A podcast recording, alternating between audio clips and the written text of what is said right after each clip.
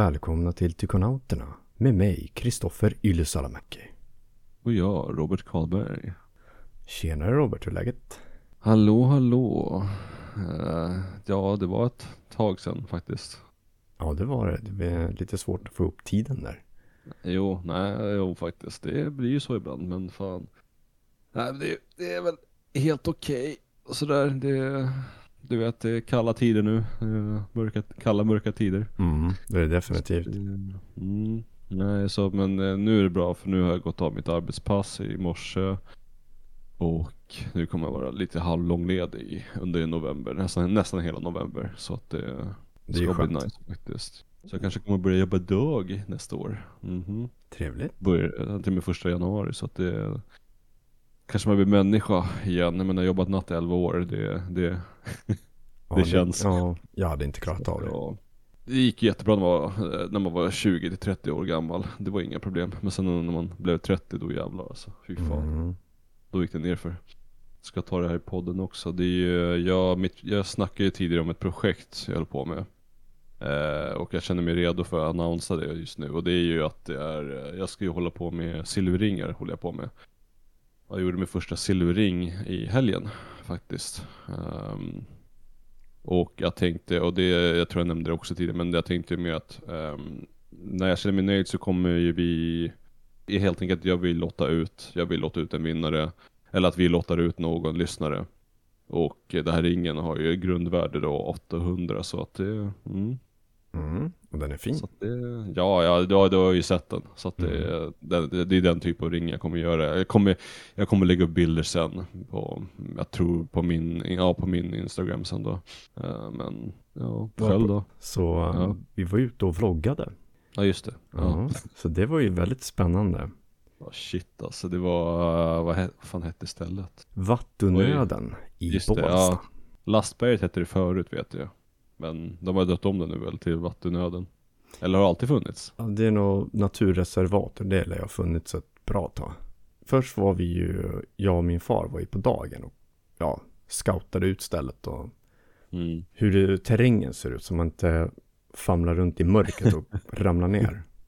Ja. Men det var ganska lätt att ta sig ut dit i mörkret då. Inte så skrämmande som jag hade tänkt. Mm. Nej. Och det var ju, vi var ju där kanske klockan åtta kanske. Ja, ja, det, ja, det var någonting, ja det var runt åtta där, så det var ju väldigt, väldigt mörkt och det är ju ingen belysning i närheten så det var ju verkligen optimal, optimal väderförhållanden också. Det var lite kallt men det var ju, vi var ju bra klädda den här gången så att det, Mm. Och sen eh, den vloggen kommer ju dyka upp lite senare då. Jag har ju inkluderat lite material för om man nu vill kolla på stjärnorna eller ufos så har jag mm, några smultronställen i Bålsta. ja just det, men det är en, en sak kan man ju nämna att vi, kan vara kul för lyssnare också att när vi, att kolla in vloggen då för att vi, vi, vi såg en sak som är väldigt svår att förklara. Ska säga. Vi, vi, för, ja, men det vill inte säga något så mycket mer, men vi, det, var, det är en sak vi verkligen blev fundersamma åt, så att det var på, som, var vi, som vi såg, men Mm. ja, så att det, mm, jag ser Så fram det var- emot att, Det vart spännande. Fast Ja. egentligen bara var en som en testrunda bara och hänga lite. ja exakt, prova utrustningen och allt det här. Ja. Så det var ju väldigt eh, oväntat. Men hur firade du halloween Robert? Jag vet inte om jag vågar, vågar säga något, nej. Nej, jag, jag, jag firar inte halloween alls. Jag hade bara en ursäkt på att äta, för att äta godis helt enkelt tror jag. Så att det, Ja men då blev det ett litet firande i alla fall. ja. Du då? Ja, ja, ja, dum fråga. Men ja. Ja, hur firade jag halloween? Ja men det är som vanligt, det är skräckfilmer och godis och sånt. Men blev lite ledsen i ögat, det kom inga barn och knackade. Ja, jag skulle precis fråga, typ såhär, vad många barn gav du godis till? Ja, okej. Ja, så att det var lite... Det har blivit mindre och mindre knackningar, men sen, jag vet inte, du bor ju, Ja, de kanske inte kan ta sig in i och för sig. Det är sant. ja, ja det har ju vi också, man bor ju i trapphus och det är ju, ja. Det Jo. kanske, ja, ja, jo det är sant. Och man kan inte gå runt på gatan och dela ut godis till barn. Det känns ju lite... Hej här, jag har en liten eh, vit van här också, det är bara följ med. så bara, mm. Så att det blir som så att man, ja, man hörde ju barn som sprang runt och så. Men Jo. Ja, jag såg folk som var utklädda när man var på väg till jobbet sånt där. Det såg man ju. Så, här, Det är roligt. stora som små.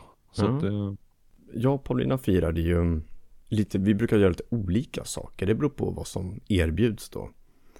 Och det är ju ett av huvudämnena. Att vi gick på en föreläsning på Kumba. Det är en butik i Uppsala då. Och där kan man ju då köpa kristaller, rökelse eller bli spådd med tarot om man vill det. Den handlar ju då om spöken, entiteter och energivampyrer. Men det var från ett schamanskt perspektiv mm, just det och se hur, hur tolkar en schaman just såna här Mm. saker som man kan stöta på i livet.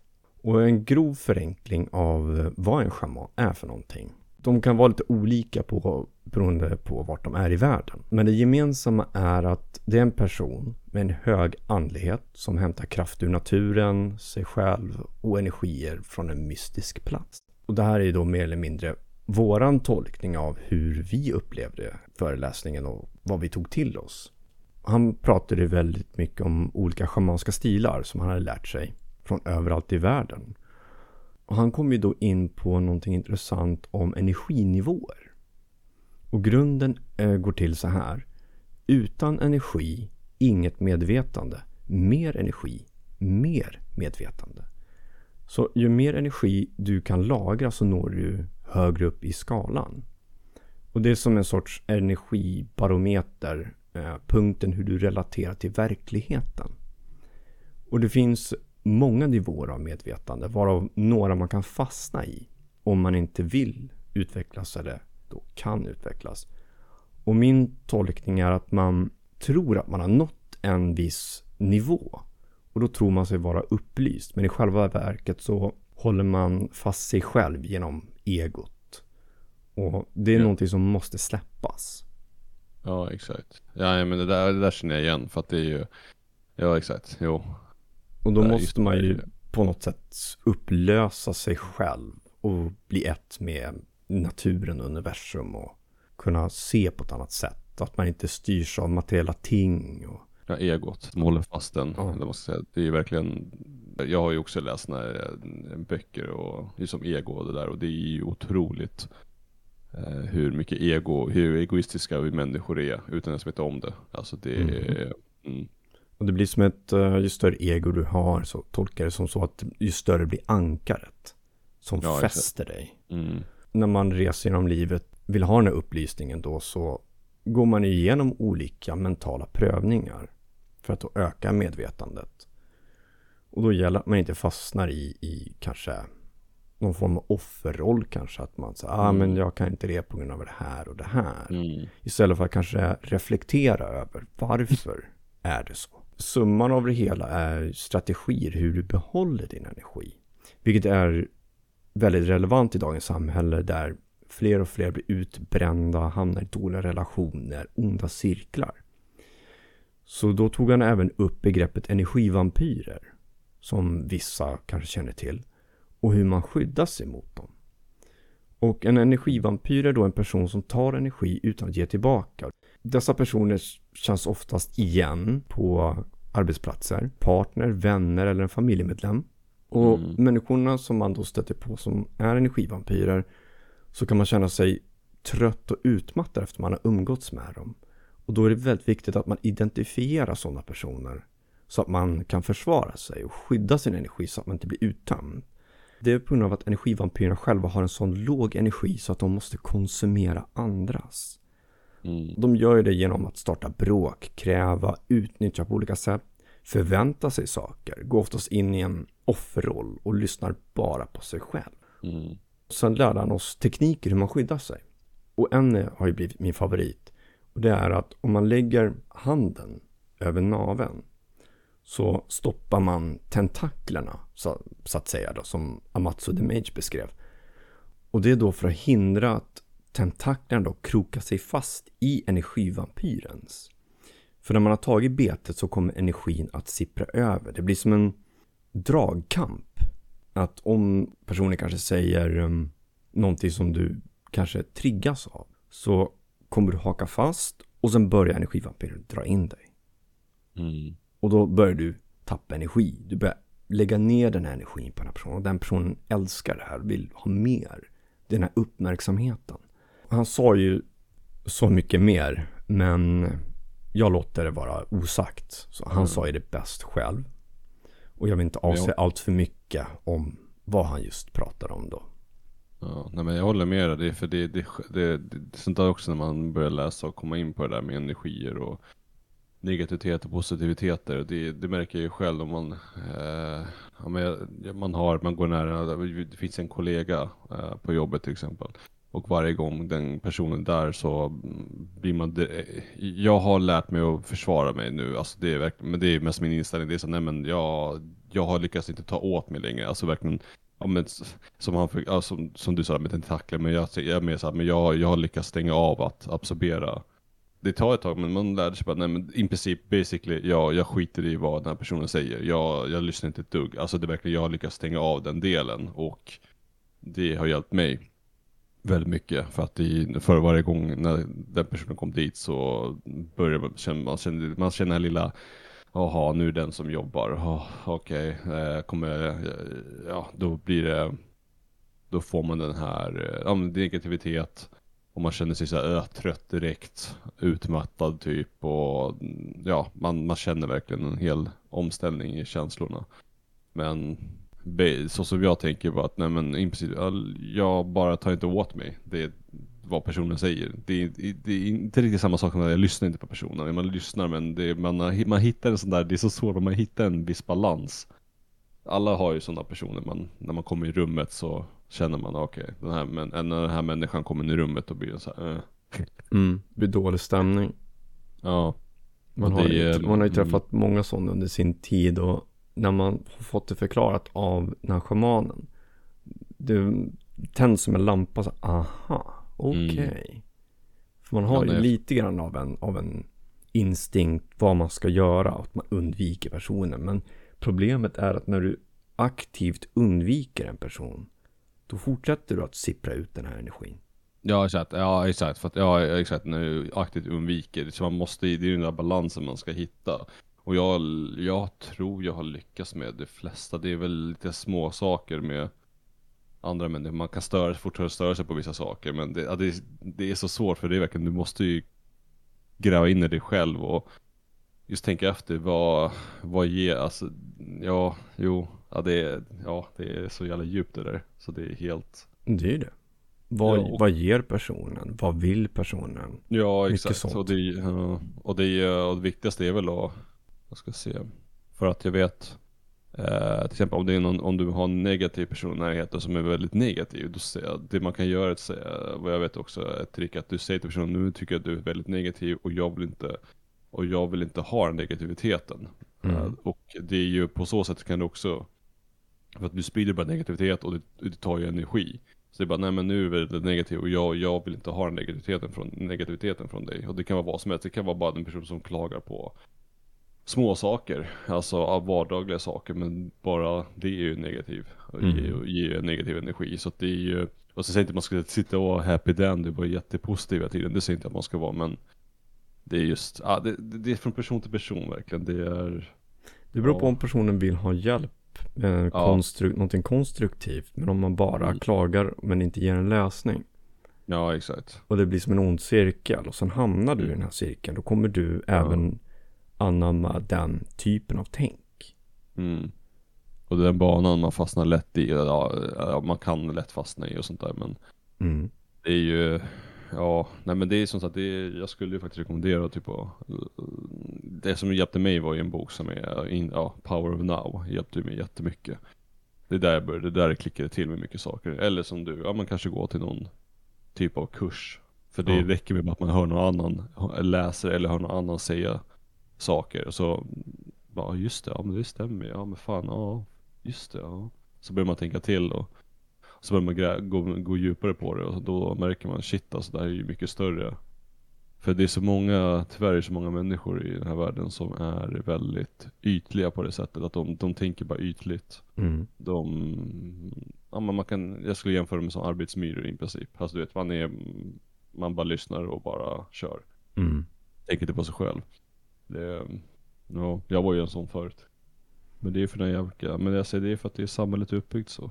Det är Mm. ju så. Det är, vi ska jobba, vi ska jobba, vi ska tjäna pengar, vi ska ha levnadsstandard och så vidare. Det är, det är så vi har blivit uppväxta med och sånt där. Det är ju, vi vet ju inget bättre. Ja, nu pratar jag för mig själv, man visste ju inget bättre. Det är ju så.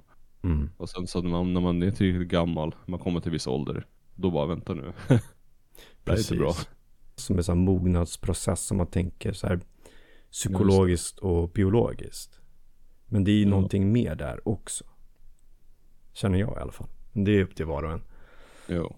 Ja, men det är, jag tror att alla kan komma dit, men man måste vilja det också. Mm. Och man måste aktivt, aktivt jobba på det. Mm. Det går inte bara, ah, men jag kör det ibland och sånt där. Det, det, det är en process och det kommer ta tid. Så att det, men, Lite som ja. en ny livsstil. Ja, det är också det. Och det, och, eh, det som jag brukar försöka säga så här, du ska göra det du mår bra av. Alltså det, Mm. man ska på ett sätt inte, alltså på, svart på vitt, du ska inte tänka på andra. Du ska tänka på dig själv. Och på så sätt så måste du ju se vad, vad mår du bra av själsligt, alltså inre, i ditt inre, vad mår det bra av? Inte det ytliga, alltså pengar, grejer, alltså materiella saker. Det mår man inte bra av. Alltså, alltså det är det, som, det är egot som mår bra av det. inte du, inte ditt inre. Mm. Men ja, det, ja, det, ja shit alltså. Ja, nej, det blir för djupt här. Jo men det blir det väldigt lätt. Ja, det blir och jättedjupt. man kan ju fortsätta prata om det hur länge som helst egentligen. Men det är alltid kul som sagt att få ett annat perspektiv och också Mm. verktyg att hantera olika situationer i livet eller, eller spirituella situationer. Mm. Så stort tack till Amatsu the Mage. En mycket trevlig, varm och intressant person. Och ni kan hitta honom på Instagram under samma namn, Amatsu the Mage. Ja, jag, antar att det är Amatsu som är japanska. Det, det lät verkligen, Mm. Amatsu, det låter så japanskt. Jag tror att han var där och studerade Ja. lite, lite sånt. Mhm. Och jag kan inte avslöja mer än så, för det, det känns som att det är han som ska ta sig an den Ja. biten och förklara. Jag skulle ju hakat på men jag jobbade ju när ni skulle dit. Ja, det var inte synd. jag tror att du, du hade nog gillat det faktiskt. Jo, jag tror det.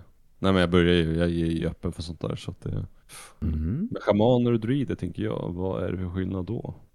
För det låter ju rätt lika.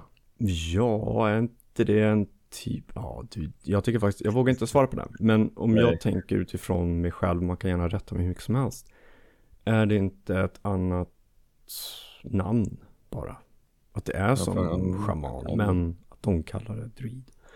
Men, men Jag vet inte. skicka mail till, eh, Ja. till konauterna.gmail.com så kan ni Ja. klaga.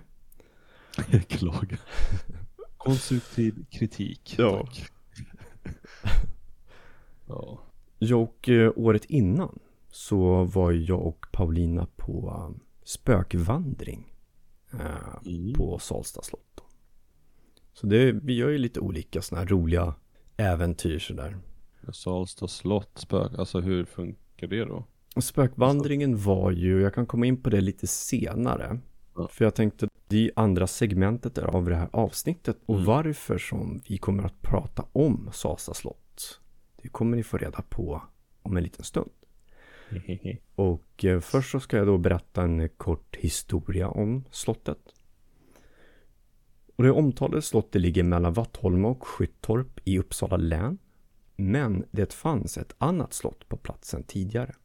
Det var under 1516 där en konflikt eskalerade till den punkt att Sten Sture den yngre brände ner det första slottet. Hur kunde det bli så? Jo, på 1300-talet bytte den tidigare ägaren Birger Jarls sonson Karl Gregersson bort sin egendom till hertig Eriks Jarl, Abjörn Sixtensson Sparre av Tofta. De som bodde på slottet under åren var allt ifrån kungars släktingar, vänner eller som senare visade sig vara fiender till Sveriges dåvarande kung. Och var man en förrädare så blev de oftast fängslade eller avrättade. Den sistnämnda innebar att ingen ville kliva fram och rädda de dömda från deras öden. Kanske för att de inte ville bli stämplade som förrädare själva. Eller så kan man vara så dramatisk som Sten Sture den yngre och bränna ner slottet. Han var, han var nog ett argt barn. ja, det tror jag. Det tror jag. Och det nya slottet kom till när Nils Bjelka den äldre bestämde sig för att bygga något nytt och speciellt på platsen. Närmare bestämt ett renässansslott. Men hans sonson Nils Bjelke den yngre var inte nöjd. Han ville göra mer. År 1670 rev man de övre våningarna. Om man besöker Sasa slott idag så ser man resultatet. Ett vackert barockslott i fransk stil. Och 1976 var det då sista gången någon bodde på slottet. Så det är ju ett väldigt spännande ställe, mycket historia. Mycket energier som är kvar där. Ja, det är garanterat. Mm. För jag och Paulina, egentligen var vi där två gånger då. Första var spökvandringen med en guide och andra gången var det då på dagen också med en guide. Mm. Uh, under den här guidade turen på dagen så började man vid entrén och sen gick man upp till övervåningen och sen avslutades det då i källaren. Entrén kändes lite så här konstigt trång men ändå öppet. Det kan ju bero på att slottet är konstruerat på ett visst sätt med ojämnheter och, och det är inte helt raka mått om vi säger så. Så det är lite svängigt på golven och så det kan bli lite grann av en illusion så att säga då. Ja, jag tror att typ trapphusen typ brukar vara lite så här. Mm, det är inte så som vi bygger idag. Ja. Och går man ner i källaren så självklart så är det ju klaustrofobiskt. Det är så här mörkt, unket och man går framåt lite hukat och ber till gud att man inte snavar på någonting. Ja men de brukar vara lite lägre, för man förvarade väl bara i princip så här i källaren, men det var i box, ja, ja, olika grejer, men det behövdes inte vara upp till taket och det, mm, Precis. Jo. Och övervåningen är däremot i öppen och väldigt fint. Och jag skulle ju garanterat trivas och bo där. Och det fanns ju ett rum som var extra fint enligt mig och det var en sån grekisk typ med fina vita detaljer och gardiner och så.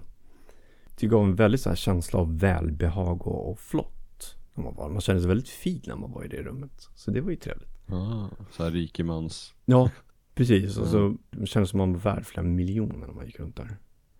Ja, oh, nice. Ja, det blev ett ego glad i alla fall. Ja, det blev det.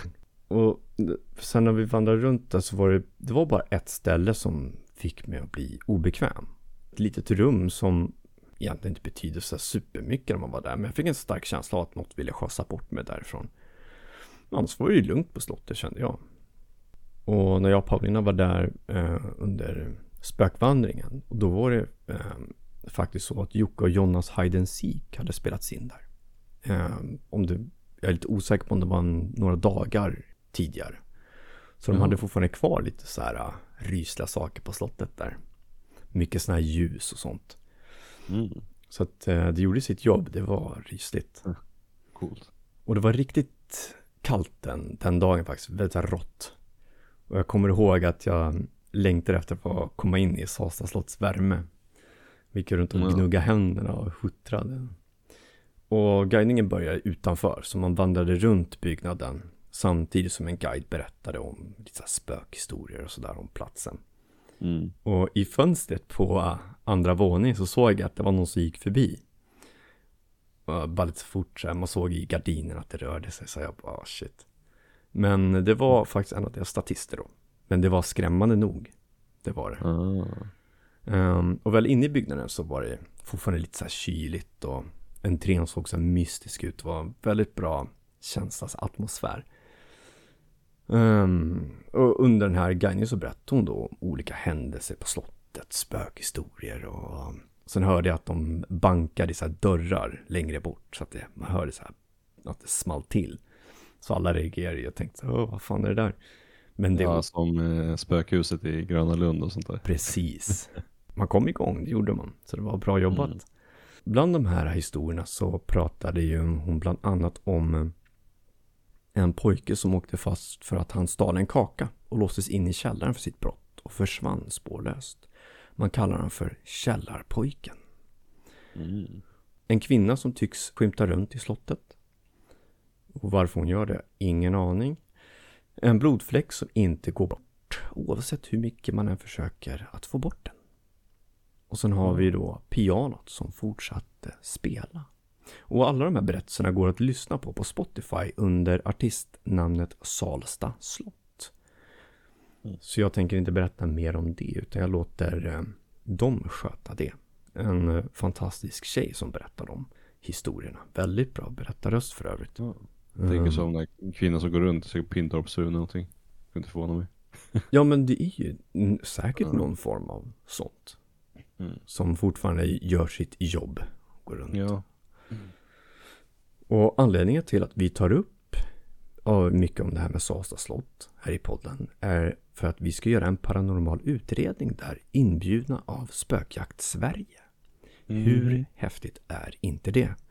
Sjukt taggad. Mhm. Fan alltså, det är så stört och det är, det är bara en månad kvar. Ja, det, det går snabbt. Jävla nice alltså. Ehm, då får vi prova vår, vår, vår utrustning på riktigt också. Mm. Se. Och det kommer Frågan bli kommer hin- sjukt hardcore. Ja alltså det ja det kommer bli nice alltså. Det Ja, då Ja. kommer vi ju ta med lite, vi kommer ta med K2-mätaren, våran, ja, kamera. Sony-kamera som man det. kan filma i mörkret. Mhm. Olympus-inspelaren, vem vet, kanske man får in någon spooky röst där. Ja exakt och sen eh, tar vi REM-podden också. Ja, precis. Och Ja. får se, jag ska testa runt det här med eh, PNB då. Så får vi se hur den funkar i praktiken. Och jag kommer ta med Ja. mig eh, två grejer som, jag vet inte om Spökjakt Sverige har sånt, eller någon annan som har med sig något sånt. Men jag köpte en um, sån här ritplatta med så här magneter som drar till sig. Det är som, sådana som barn har när de ritar på. Och på den här ritplattan då så finns det två stycken, vad ska man säga, extra grejer man kan ta loss. Och så är det som magneter på dem med en stjärna och en rund ring som man kan rita med på plattan istället för pennan. Och då tänkte jag att jag lägger ner den här plattan och sen så lägger de här två tillbehören på. För om man drar de här två magneterna så bildar de ju, vi säger, en form, en stjärna eller någonting Mm. sånt. Så att eh, om det är något som kan röra på det kanske. Men den är Ja. stöttålig så kommer man åt den så kommer inte de här eh, tillbehören åka omkring på plattan. Ja okej, nice. Mm. Ja, nej men ja, nej, fan. Ja, så ska vi ha den där ökända radio. Ja, du menar spiritboxen? Spirit, oh, herregud alltså. Mhm. Ja, en spiritbox heter det. Exakt, den, den, den skulle jag vilja leka med också sen. Ja. Ja, leka, prova. Så jag Ja. fixat, jag ska, måste fixa lite grann med kabeln till den och så. Så får vi se. Ja just det. Och batterier måste vi ha. Ja, massvis. Ja. Det ska bli jävligt kul alltså. Och jag ska även ta med mig eh, två stycken eh, rörelsedetektorer med ljus. Som man sätter runt omkring. Ah. Eh, Mm. vi säger kanske om vi står i ett rum och så kanske finns ett till rum intill där. Så kan man ställa dem så att de är riktade. Att om det är någon som kommer in i rummet så kommer den kunna, i alla fall i min lilla hypotetiska värld, kunna kanske upptäcka det. Om de manifesterar sig. Så vi har Ja. mycket att, att gå igenom med Mhm. med utrustningen och hur vi ska lägga upp det. För vi kommer ju vara där med, jag tror det är 16 till. Åh jäklar. Ja, och då börjar man runt klockan nio och vi avslutar vid fyra på morgonen. 9 och 4, ja. Mm. Frågan är bara, det, det blir intressant att se också hur mycket till exempel vår Olympus tar upp av andra eller hur, hur, hur, de, hur det blir organiserat. Komma in med, dela upp i grupper, olika delar, sen så byter man eller ja. Jag tror att det blir så, någon form av Ja. rotation. Ja exakt. Och ehm, ja, sen får vi se hur vi ställer in Olympusarna. Jag kommer ställa in min på en helt annan känslighet, så kör du en annan så får vi se Ja. hur det plockas Ja, upp just då. Eftersom det är tre olika grupper får man ju se om det väl hur energin blir då. Alltså det är ju, eftersom det är tre olika grupper om de, om, vad ska man säga, ja men spökena blir less på oss eller om det är vilka, det är nog rätt viktigt där vilka som går först i vilka rum och sånt. Eller vilka som går andra. Ja, jag vet inte. Ja, nej, men Ja, man får bli- se hur man, hur man eh, spelar ut korten när man är där på plats. Jag kommer i alla fall öppna Mm. upp lite chakran och se Jaha. hur det blir. Öka på min energi lite grann. Jag kommer vara, jag ser framför mig, jag kommer vara Ni som har sett uh, Buzzfeed Unsolved, ni kommer förstå, jag, jag, det är jag som är Shane. Jag kommer lätt vara Shane och du kommer lätt vara Ryan alltså, det är garanterat. Mm. Helt sjukt. Det ska bli kul. Mm. Jag kommer försöka, men jag ska, om jag ska, ja, försöka tanta lite och se om det kanske lockar fram något, jag vet inte. Jo, det blir så. Så länge man visar grundläggande respekt till, Ja till dem. Men jag tror att vi är nog på samma nivå när det kommer till um, viss typ av provocering. Och det är ju att man kan höja rösten och se på ett speciellt sätt. Och jag hade tänkt att spela in eh, när jag läser upp uh, ur Bibeln då, Fader vår. Och, Ja, eh, och sen sända ut den då. Istället för att jag står och läser på plats så har jag det inspelat så det blir mycket lättare. Jaha, okej, okay, okay, du tänkte så. Mm. Ja. För att stå med en ficklampa och en bibel, det, jag vet inte. ja, men det är ju perfekt. Så filmar jag dig när du står och läser upp så live. Det är rätt. Mm. Då prova inspelning i ett rum och sen live i ett annat rum. Ja. Ja. Får, får prova nu när vi ändå har chansen, hallå? jo. Så Shit, man hittar väl säkert på lite nya saker och, och jag, hade, Mm. jag kom in lite grann också på orgelmusik. Uh, vilken plats på slottet ser du fram emot att utreda? Något speciellt ställe? Ja, men det är väl källaren som vanligt. Det är hardcore direkt vet du. Vart är det mörkast? Vart är det mest dystert? Ja, det, dit ska jag gå. Jo, det är ju det är väldigt Ja. fascinerande faktiskt. Nej men det, det tänker jag, det är all- alltid så här med alla de här utredarna, man säger men källor, det är där jag That's my, that's my, my, my hangout vet du. Men, Nej, om, men det om, man, om man ställer frågan också, varför tror man att det ska finnas mer aktivitet där? nej men det, jag tänker mest det är historia, det var ju saker brukar oftast hända, men det man, man tar ner, men det, fängelsehålor är oftast förknippade med källor och sådana saker, så att det är väl Mm. rent det är så jag tänker, bara rent vad man har läst, men det är filmer och sånt här, du vet allt det här så Källor är väl där man gör onda grejer, nej men Jo, man vet ju aldrig. Det, det är ju väldigt Nej. mycket skymundan. Man Ja, tänker verkligen. kanske, ja, kanske funnits tjänare och sånt. Så har det funnits lite, Mm. ja, människor i lite högre positioner som kanske gör lite dumheter. Och Ja, jag tänker att det är mycket sten runt omkring som kanske fångar upp den här energin. Och, Just att det är oftast det är källorna, det är väl där oftast den här mm, grunden, alltså originalstenar och originalgrund är ofta källorna, för det är inte där det är inte lättast att bygga om och renovera om, tänker jag. just det, Så mycket av, det är sant. ja, det är väl lättare att suga åt sig energi och sånt där, där. jag vet inte. Det, Det är ja, en bra hypotes. Ja, något sånt där. Ja, det.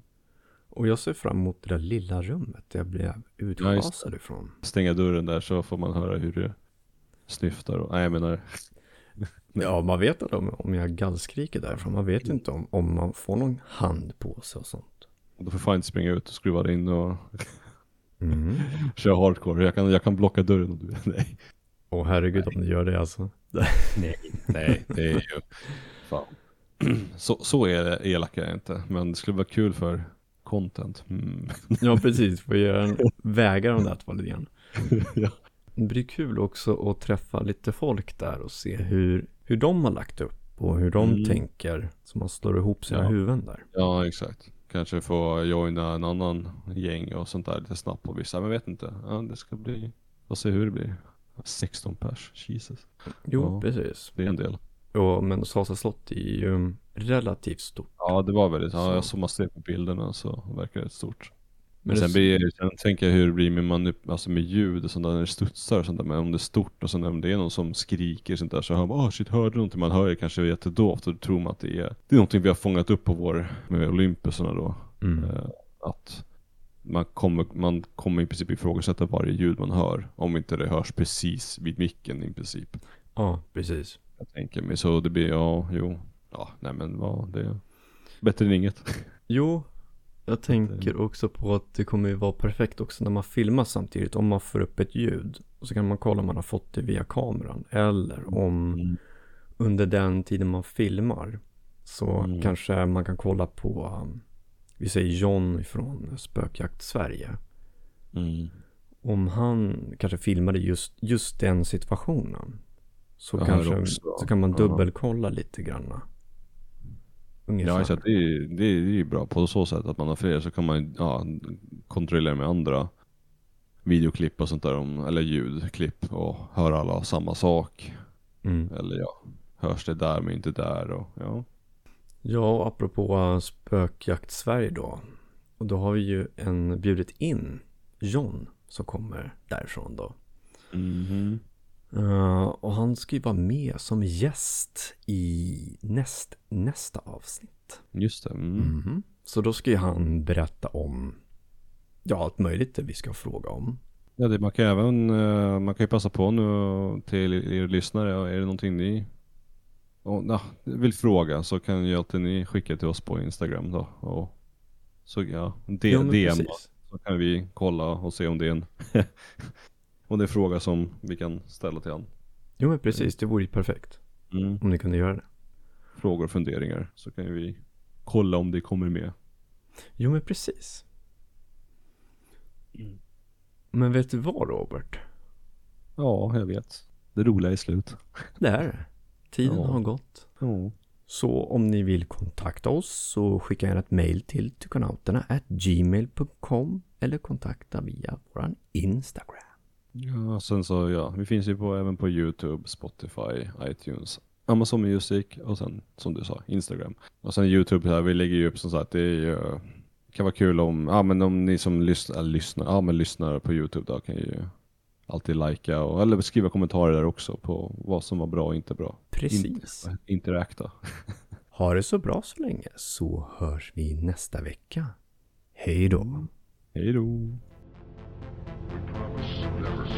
Share your flash and shut up, up in your sleeping hours.